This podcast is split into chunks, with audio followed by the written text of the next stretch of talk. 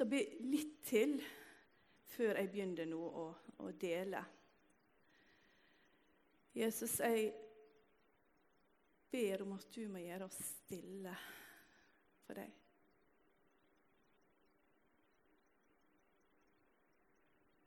Gjør det stille i vårt indre, sånn at vi kan høre ditt ord.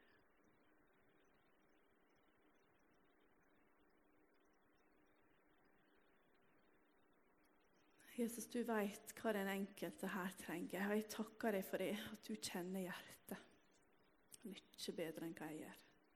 Og nå ber jeg om at eh, eh det som ikke skulle være fra deg, av det jeg sier, bare må bli usynliggjort for den enkelte. Så ber jeg om at det, det er du som må tale.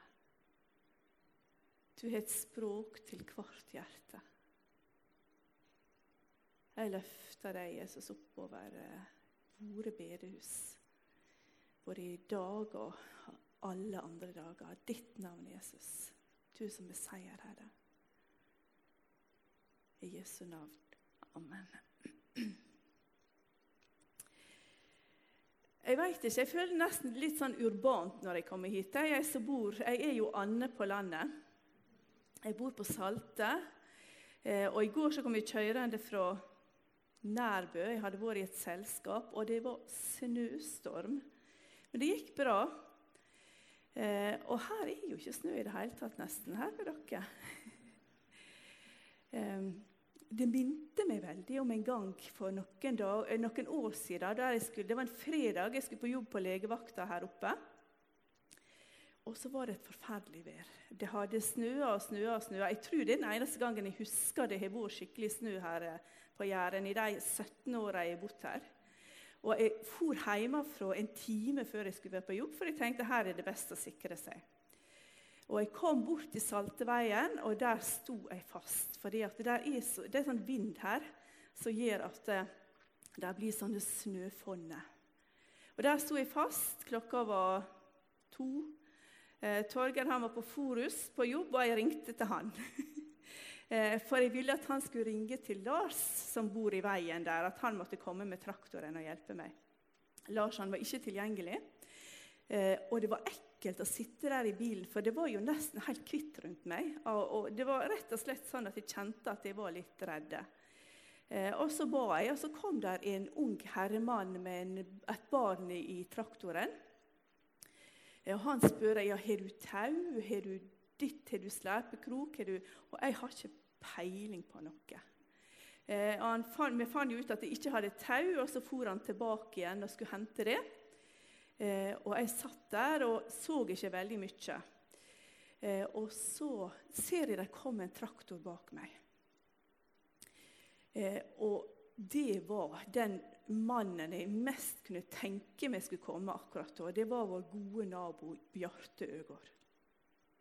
Og Han spurte ikke om jeg hadde tau, eller hva det var. Han bare kom med tauet ut fra traktoren, festa den på. Han så jo hvem det var som satt der drog meg opp Saltebakken, og så sier jeg nå kjører jeg foran deg til Bryne. Og da var jeg jo trygg. Eh, og så fikk jeg vite i ettertid med Bjarte, og det er på en måte poenget om Guds nærvær i hverdagen. Eh, jeg ba der jeg satt i bilen, og så forteller Bjarte meg det at det, det var en sånn dag der eh, de egentlig sa at dere bør holde dere hjemme hvis dere skal noe spesielt.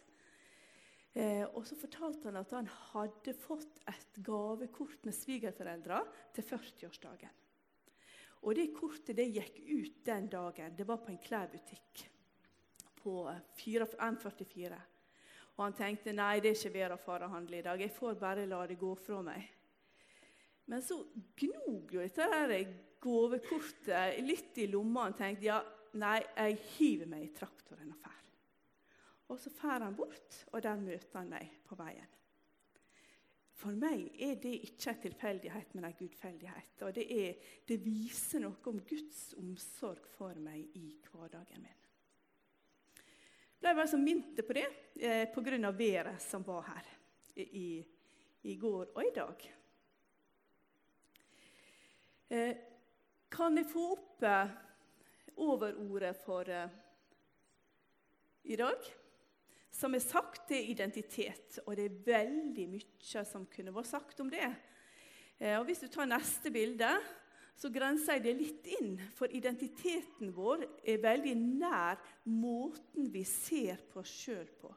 Det bildet vi har av oss sjøl, som er så utrolig gjennomtrengende for hvordan vi fungerer i hverdagen. Eh, og jeg tenker, og det er grunnen til at jeg står her, jeg tenker det at trua på Jesus den er gjennomgripende. Den er helt avgjørende for oss som tror på Han. Eh, sånn at vi sjølbildet vårt pga. at vi tror på Jesus, har en helt annen horisont enn hvis ikke en tror på Jesus og har Jesus i hjertet sitt. Til daglig eller i alle fall i perioder, så underviser jeg i selvmordsforebygging. Og I løpet av de elleve åra jeg har hatt dette kurset, som er ganske sånn du går inn i sjela di og finner hva som er viktig for deg, eh, hva er det som gir deg grunn og lyst til å leve og mot til å leve, så har jeg merka en enorm forandring i det norske folket. For nå er det på en måte sånn at hvis ikke jeg er verdt noe i samfunnet, så blir det mer og mer akseptabelt at det er greit å bare avslutte livet sitt. Eh, altså Denne her diskusjonen om, om aktiv dødshjelp som eh, på en måte går uten at vi er med i den. Vi blir bare påvirka av det som skjer rundt oss i samfunnet. Og folk er mye mer klar for at det, det er akseptabelt med aktiv dødshjelp i dag enn det var for ti år siden bare. Uten at vi på en måte aktivt diskuterer det. Og det syns jeg er veldig skremmende. Eh, nå vet jeg det at eh, Eller jeg er veldig ydmyk, og det tenker, vi, jeg skal, tenker jeg at vi skal være i forhold til at det, vi vet at selv om vi tror på Jesus, så kan livet vårt bli så vanskelig at vi ikke ser vits i å leve. Det, så ydmyke skal vi være, for det vet vi at sånn er det. Men da er det så viktig at jeg og du som er rundt, er forankra i noe som er utover disse verdiene som samfunnet har og de verdiene som vi har i oss sjøl. Vi veit aldri hva tid det er jeg som trenger, eller du som trenger, mennesker rundt deg som kan holde deg oppe.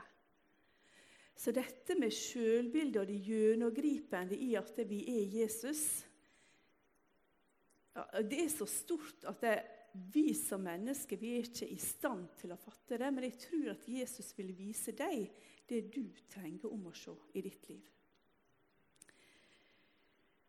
Hvor har du forankringa di? Hva bygger du på, egentlig? Når alt kommer til alt, og det røyner på i livet. Hva er det som betyr? Hvem er du? Familien din betyr noe.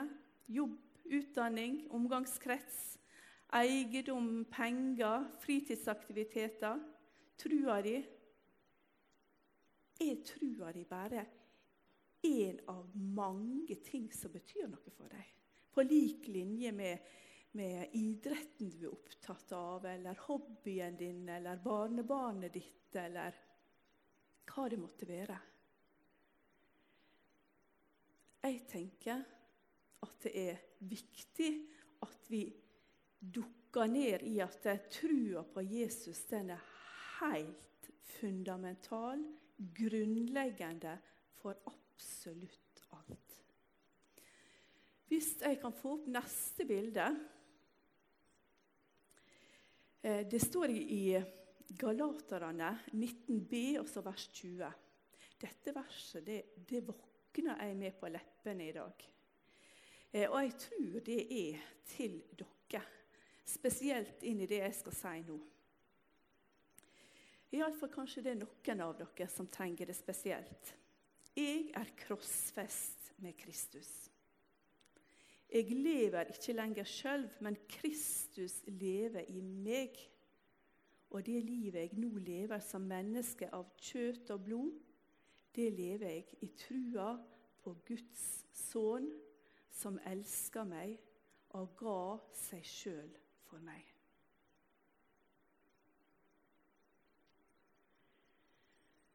Kristus lever i meg. Jeg ser at det har hoppa litt på veien på deres PC. Det så mye finere ut på saltet. Eh, men dere ser hva som står der. Eh, Kristus lever i meg.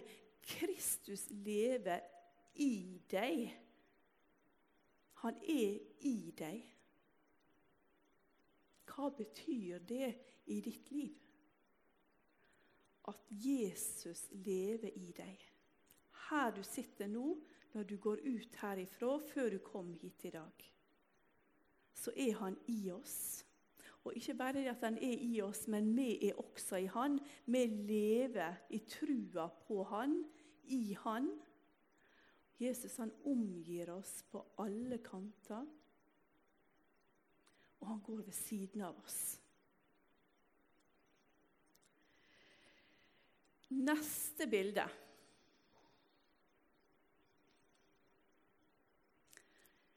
Dette er et utsagn fra en som har identiteten sin i Gud.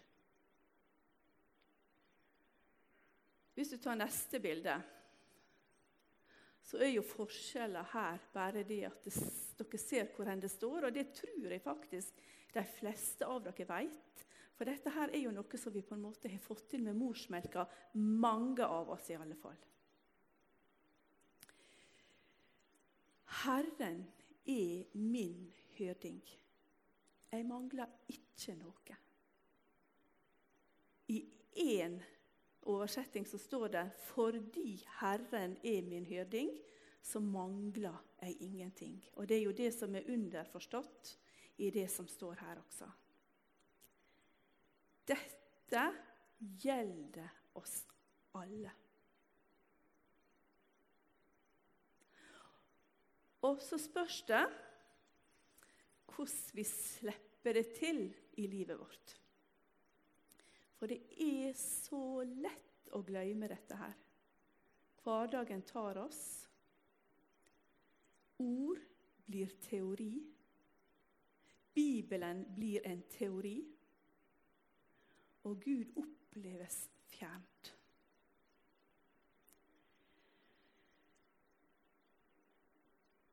Dette er så kjent oppi hodet vårt.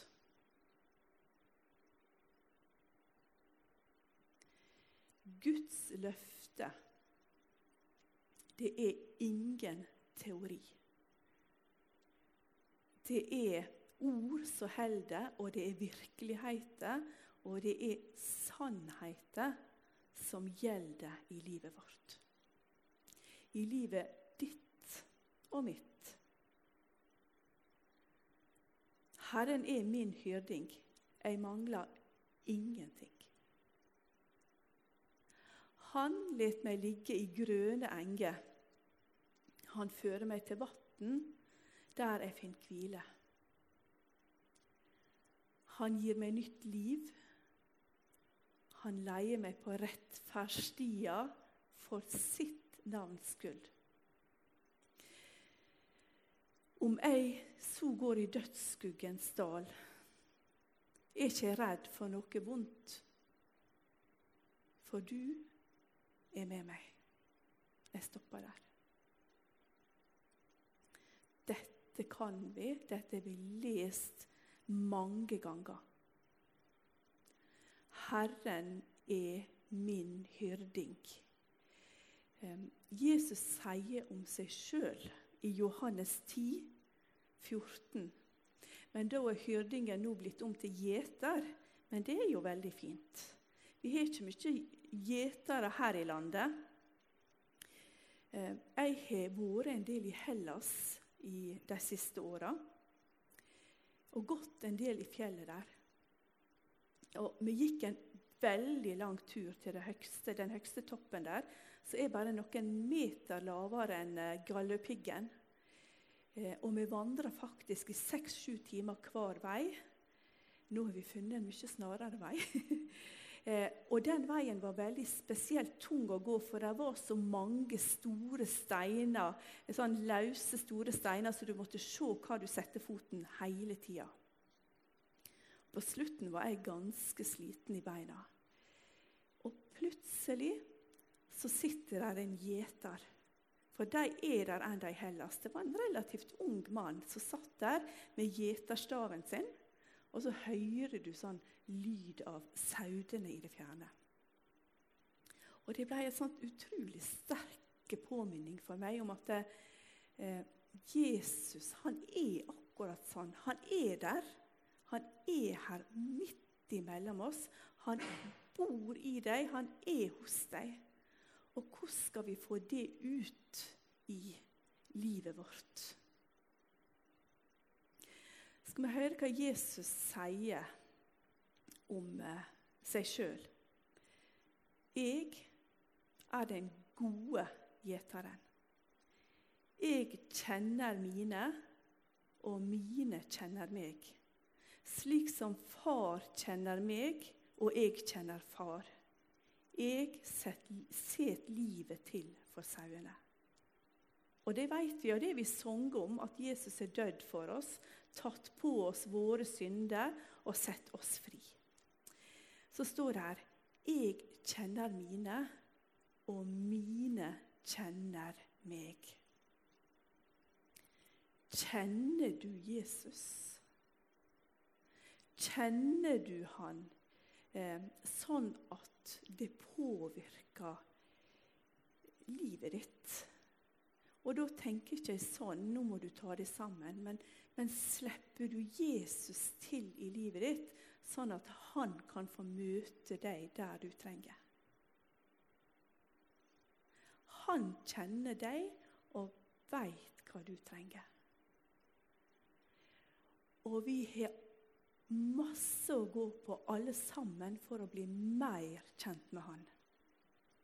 Han overrasker meg stadig vekk, for han viser meg hva jeg trenger, på en måte som gir mening, og jeg kunne ikke tenkt meg til det sjøl i utgangspunktet. Her skal du få høre mer om denne hyrdingen eh, som kjenner deg. Salme 139. Herre, og nå leser jeg eh, du, og da handler du om den enkelte av oss her. Er ikke sånn at det gjelder alle andre. Det gjelder deg. Spesielt deg. Herre, du ransaker meg, og du veit. Du veit om jeg sitter eller står. På lang avstand kjenner du mine tanker. Om jeg går eller ligger, ser du det. Du kjenner alle mine veier. Før jeg har et ord på tunga, Herre, kjenner du det fullt ut. Bakfra og forfra omgir du meg. Du har lagt di hand på meg. Det er et under jeg ikke skjønner.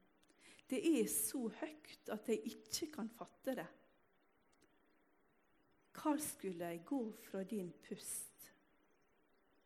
Hva skulle jeg røme fra ditt ansikt? Stiger jeg opp til himmelen, er du der. Legger meg i dødsriket, er du der òg. Tek jeg soloppgangens venger og slår meg ned der havet enda.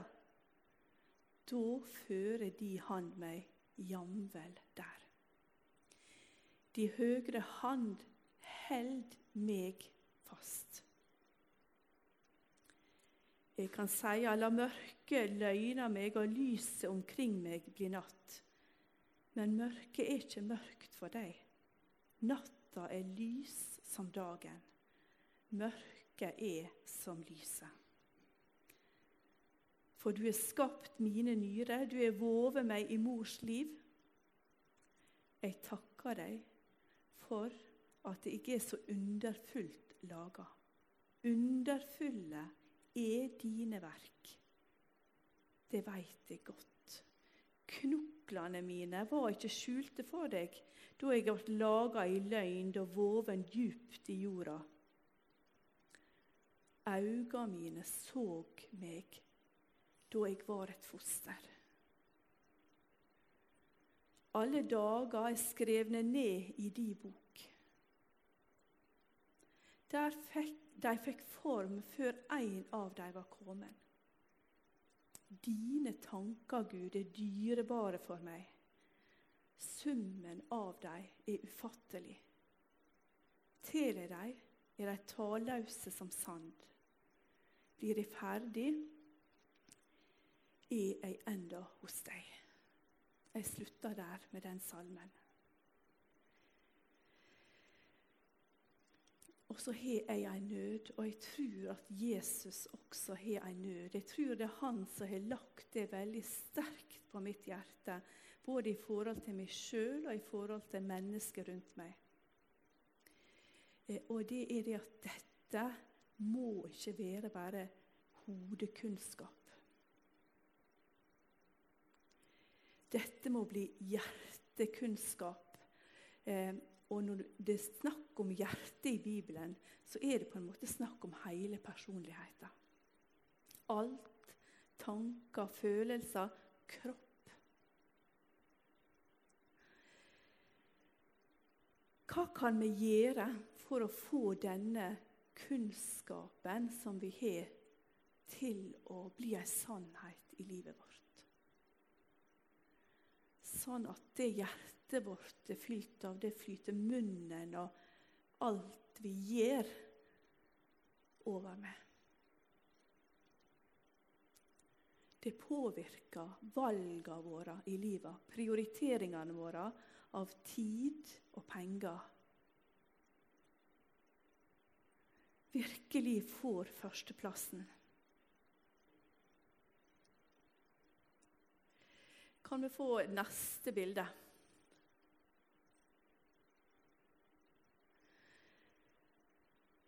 Smak og se at Herren er god.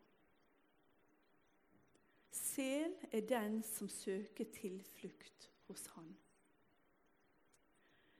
Jeg tror det sto 'smak og kjenn' tidligere. Eh, men uansett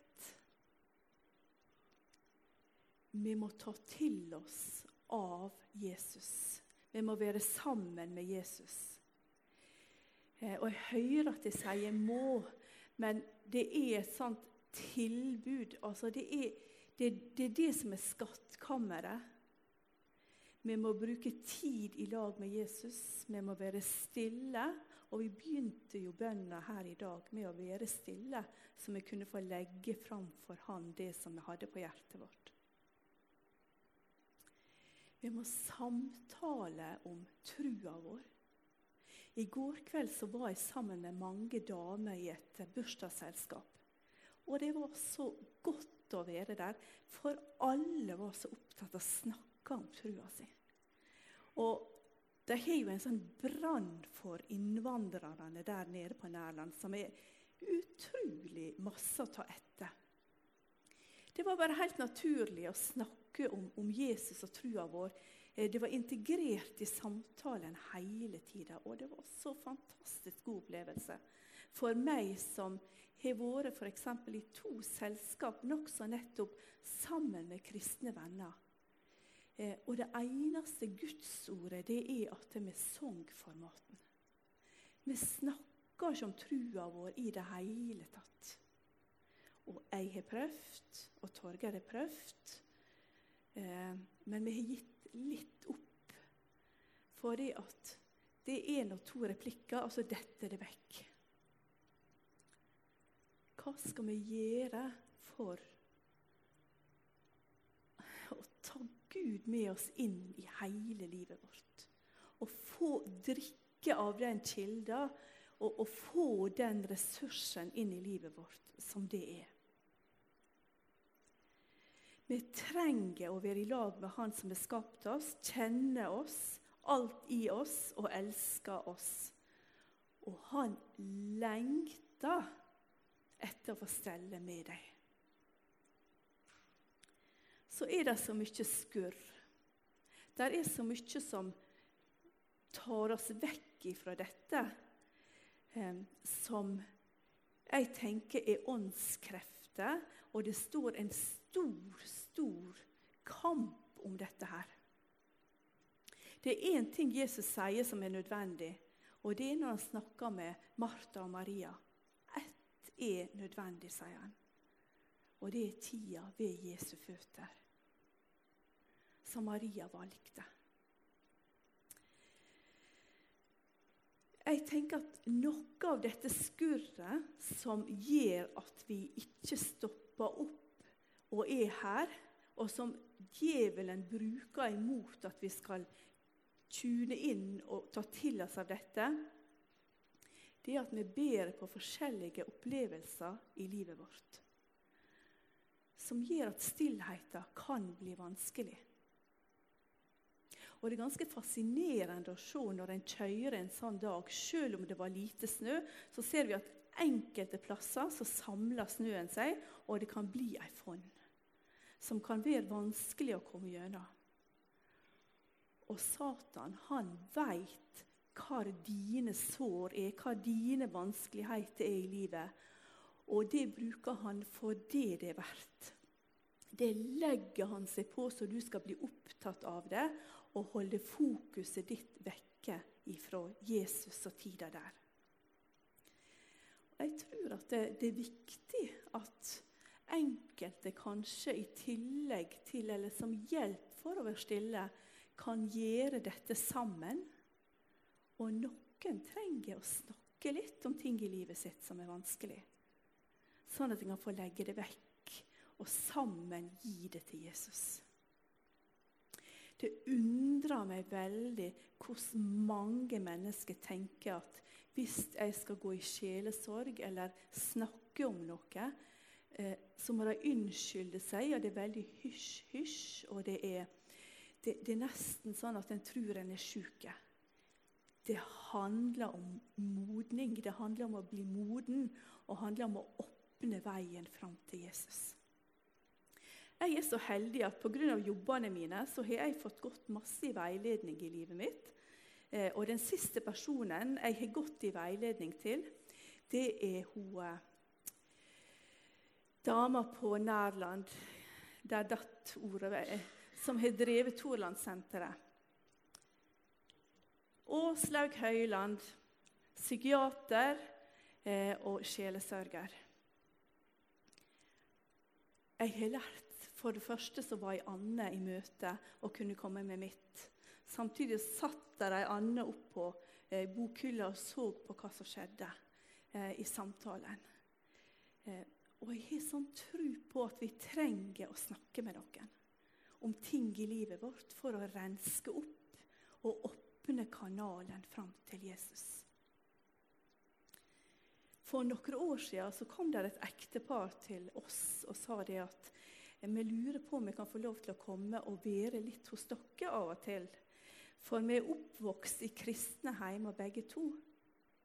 Men foreldrene våre snakket aldri om trua si. Vi er ikke vant med å snakke om trua vår. Og det syns jeg er Jeg var veldig glad for at de kom til oss, som vi har hatt det veldig fint i lag. Eh, men vi må snakke om trua vår. Spørre, dele, snakke for å åpne veien fram til Jesus. Og så har jeg lyst noe annet som jeg har vært veldig opptatt av siste tida. Jeg har lyst å dele eh, noe som ble sagt på Dagsrevyen av en psykolog som heter Petter Fagerhaug eh, i forrige uke. Det var i forbindelse med et innslag om mobilavhengighet og et sånt avvenningssenter for eh, unge gutter helst, borte i USA. Og så kan vi tenke at det, dette gjelder ikke meg, selv om jeg tror det er mange mobilavhengige i vårt land. Eh, så er det veldig lett at vi som sitter her, tenker at det, dette gjelder ikke meg, for jeg er ikke spilleavhengig, jeg er ikke avhengig av mobilen. Men hør litt hva som blir sagt her av denne psykologen. Og nå leser jeg. Dette gjelder ikke bare mobil, men det gjelder alle teknologiske medier som har inntatt samfunnet vårt eh, siste tida. Vi blir hele tiden stimulert, og vi ønsker mer og mer. Vi lever i en tredelt verden. En, den indre, våre tanker og følelser, som vi må forholde oss til. To, den ytre verdenen, som vi også må forholde oss til. Og så har vi fått den digitale. Den digitale verden fører til at vi har mindre kontakt både med oss sjøl og med andre.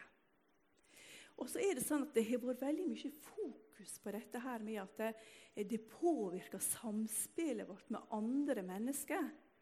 Det vet vi veldig mye om, og vi er så enige i at eh, likes og, og minus øyekontakt og vi sitter alene i stedet for å sitte sammen og presentere oss sjøl gjennom sosiale medier, som på en måte kan gi så utrolig forskjellige og falske inntrykk. Dette kan vi bejae og si ja, sånn er det, og det er forferdelig at det er blitt sånn. Men jeg har lyst til å ha fokus på at dette her påvirker måten vi forholder oss til oss sjøl på.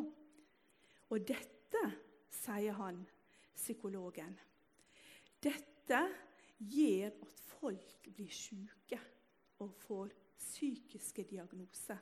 Fordi at vi hele tida, i stedet for å være i oss sjøl og tenke våre egne tanker og ha tid til akkurat det, så flykter vi inn i den digitale verden.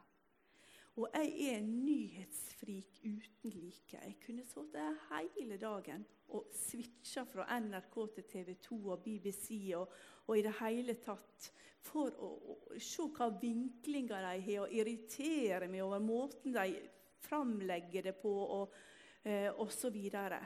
Eh, jeg må erkjenne at PC-en Jeg kjenner på en endring fra jeg fikk eh, sånt fritt nettverk til eh, og, og, hvordan det var før og etter det. Det er lenge siden, altså. Men jeg kjenner, jeg kjenner at det skjedde det noe med meg når jeg kunne ta med meg PC-en rundt i hele huset. Nettbrettet ditt, mobilen din, det at du hele tida flykter fra deg sjøl, det gjør noe med måten du forholder deg til deg sjøl på. Han, psykologen han sier videre alle mennesker har behov for kontakt med seg sjøl. Hjernen må ha kontakt med kroppen for å overleve. Når vi tar bort den kontakten og heller lever der, altså i den digitale verden, så får vi både fysiske og psykiske skader som er, som er langsiktig konsekvens. Vi trenger oss sjøl for å ha et godt liv. Vi er blitt kåra til verdens beste land å bo i mange ganger, men psykisk sykdom det går den veien.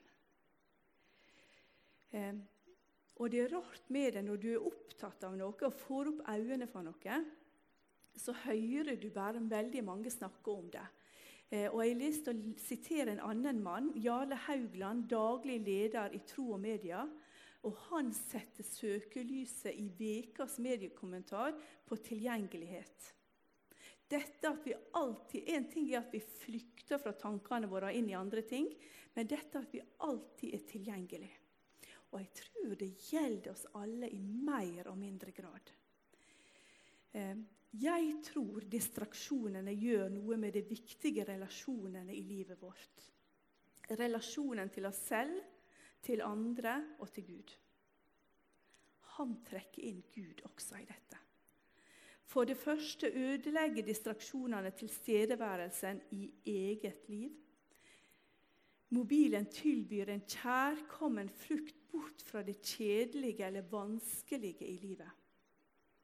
De lange tankene og refleksjonene har også vanskelige kår. Problemet er at vi mennesker trenger tid, stillhet og tilstedeværelse for å modnes som mennesker.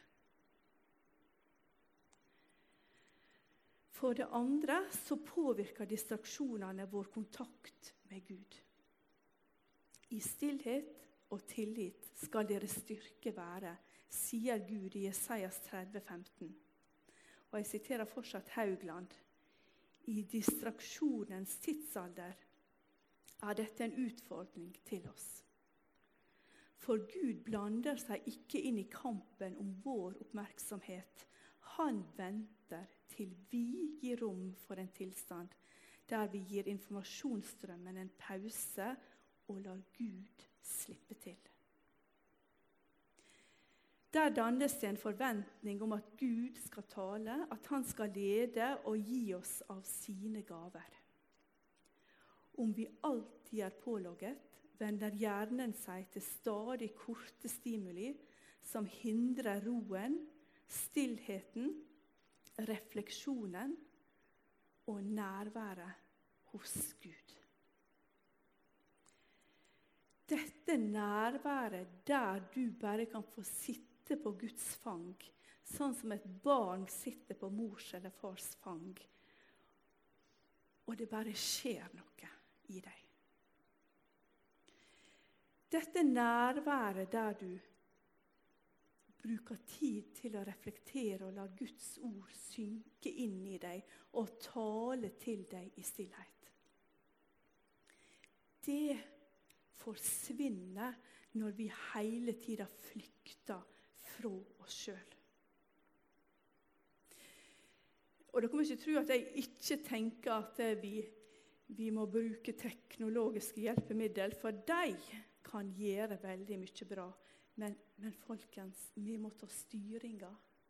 Vi må ikke la Satan få bruke dette dette, disse distraksjonene og denne fluktplassen til å hindre at Gud kan få ta sitt ord fra vårt hode og ut i hele kroppen og hjertet vårt. Sånn at det kan prege oss. Og Gud vil i stillhet fortelle deg hva det betyr i ditt liv at han er din hyrding. Og Gud vil i stillhet tale til deg med det bibelverset eller med det som han veit at du trenger. Eh, og Jeg jobber litt med stillhet i gruppe, og det jeg ser som er veldig typisk for i dag, det er det at folk tar med seg mobilen inn i stillheten. Og så når de er stille, så får de en sangstrofe eller en del av et bibelvers. Og så er det opp med telefonen med en gang og google resten, sammenhengen, hele sangen. Mens jeg tror at Gud, Den hellige ånd, har gitt den strofa til deg for at den skal få synke inn i deg og tale til ditt hjerte. Vi må ikke glemme at det fins et univers innover som Gud vil vise oss, som er like stort som det som er utover, som vil berøve vår tid med Jesus.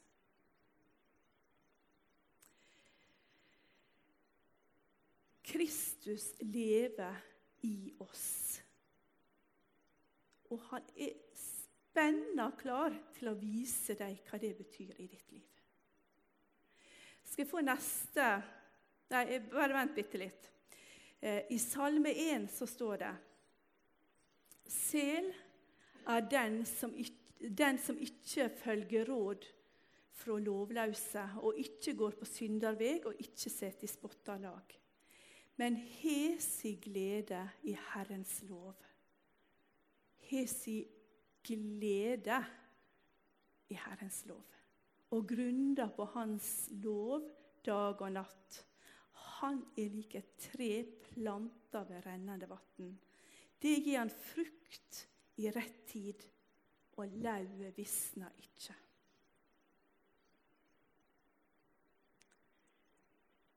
En må drikke fra denne bekken.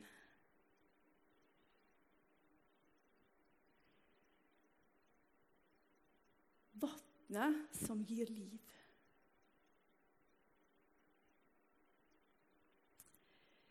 Eh, for tida så leser jeg Josva om fortellinga der israelsfolket kom inn i, Egypt, nei, inn i Israel.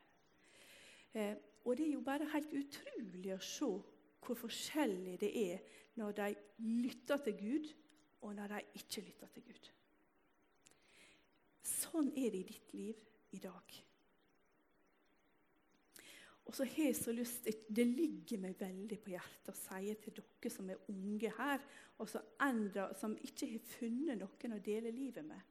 Jeg har så lyst til å si til deg at dette må du legge i Guds hånd. Dette må du legge i Guds hånd, og ikke la hormonene styre. Gud har skapt hormonene, men Gud har en plan også for, den, for denne viktige biten i livet ditt. Jeg vet ikke hvem det gjelder, men det gjelder kanskje noen som sitter her i dag. Eller jeg tror det gjør det, for å si det sånn. Eh, kan jeg få opp det siste bildet? Her har jeg brukt eh, bokmål, for jeg likte så godt akkurat denne oversettinga her. Det er Gud som sier, 'Gi meg ditt hjerte, og la dine øyne ha lyst i mine veier'. Altså, vi, vi, forbinder ofte at det å gå Guds veier det er ikke forbundet med glede og lyst. Men be om at jeg må få lyst i å gå Guds veier. Og det er ikke sånn, men gi deg tid sammen med Jesus, så skjer det noe om du ber, om du formulerer dette bibelverset om til ei bønn. For det er det beste. Det er Gud som har skapt oss, og det er Han som vet hva som er det beste for oss. Nå skal Elise eh, synge en sang, men før hun gir seg litt god tid med, med det hun spiller, før hun begynner å synge. For jeg vil at dette bildet Se nå på dette bildet, og la det tale inn i ditt liv. Har du behov for det, så lukk øynene og la Gud tale inn i livet ditt. Og sangen til Elise etter hvert.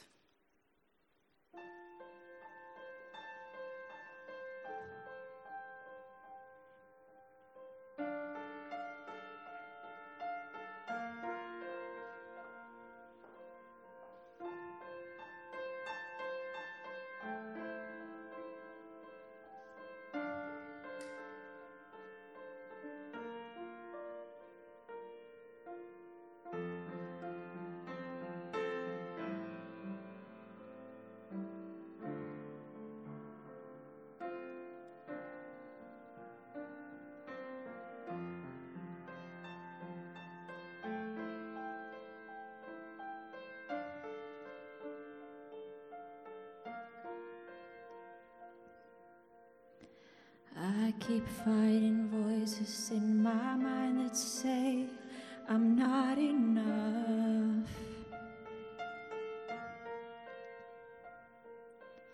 Every single lie that tells me I will never measure up.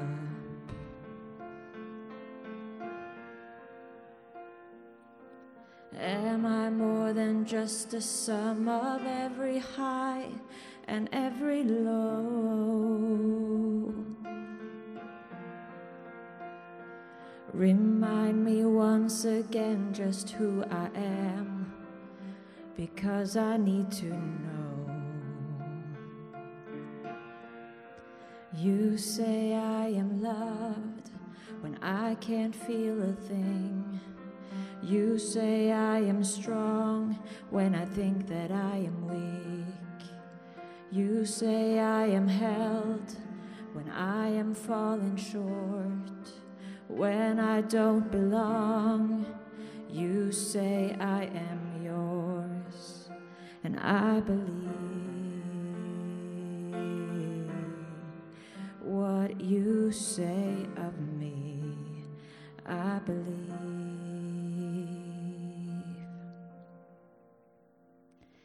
The only thing that matters now is everything you think of me. In you I find my worth, in you I find my identity. Oh, you say I am loved when I can't feel. You say I am strong when I think that I am weak. You say I am held when I am falling short. When I don't belong, you say I am yours, and I believe,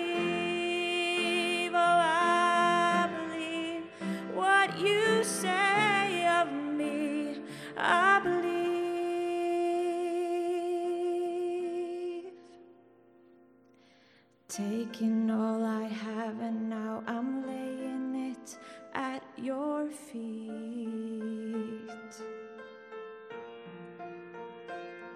Cause you have every failure, God, and you have every victory.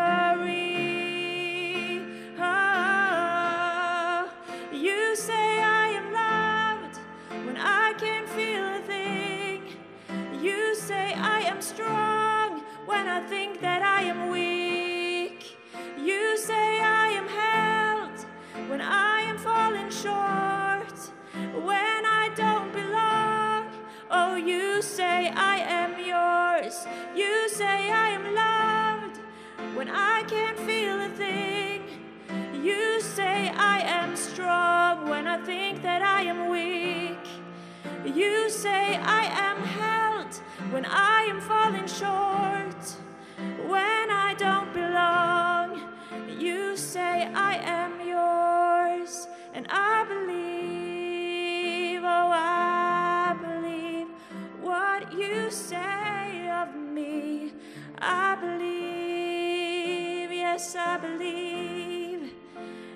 I.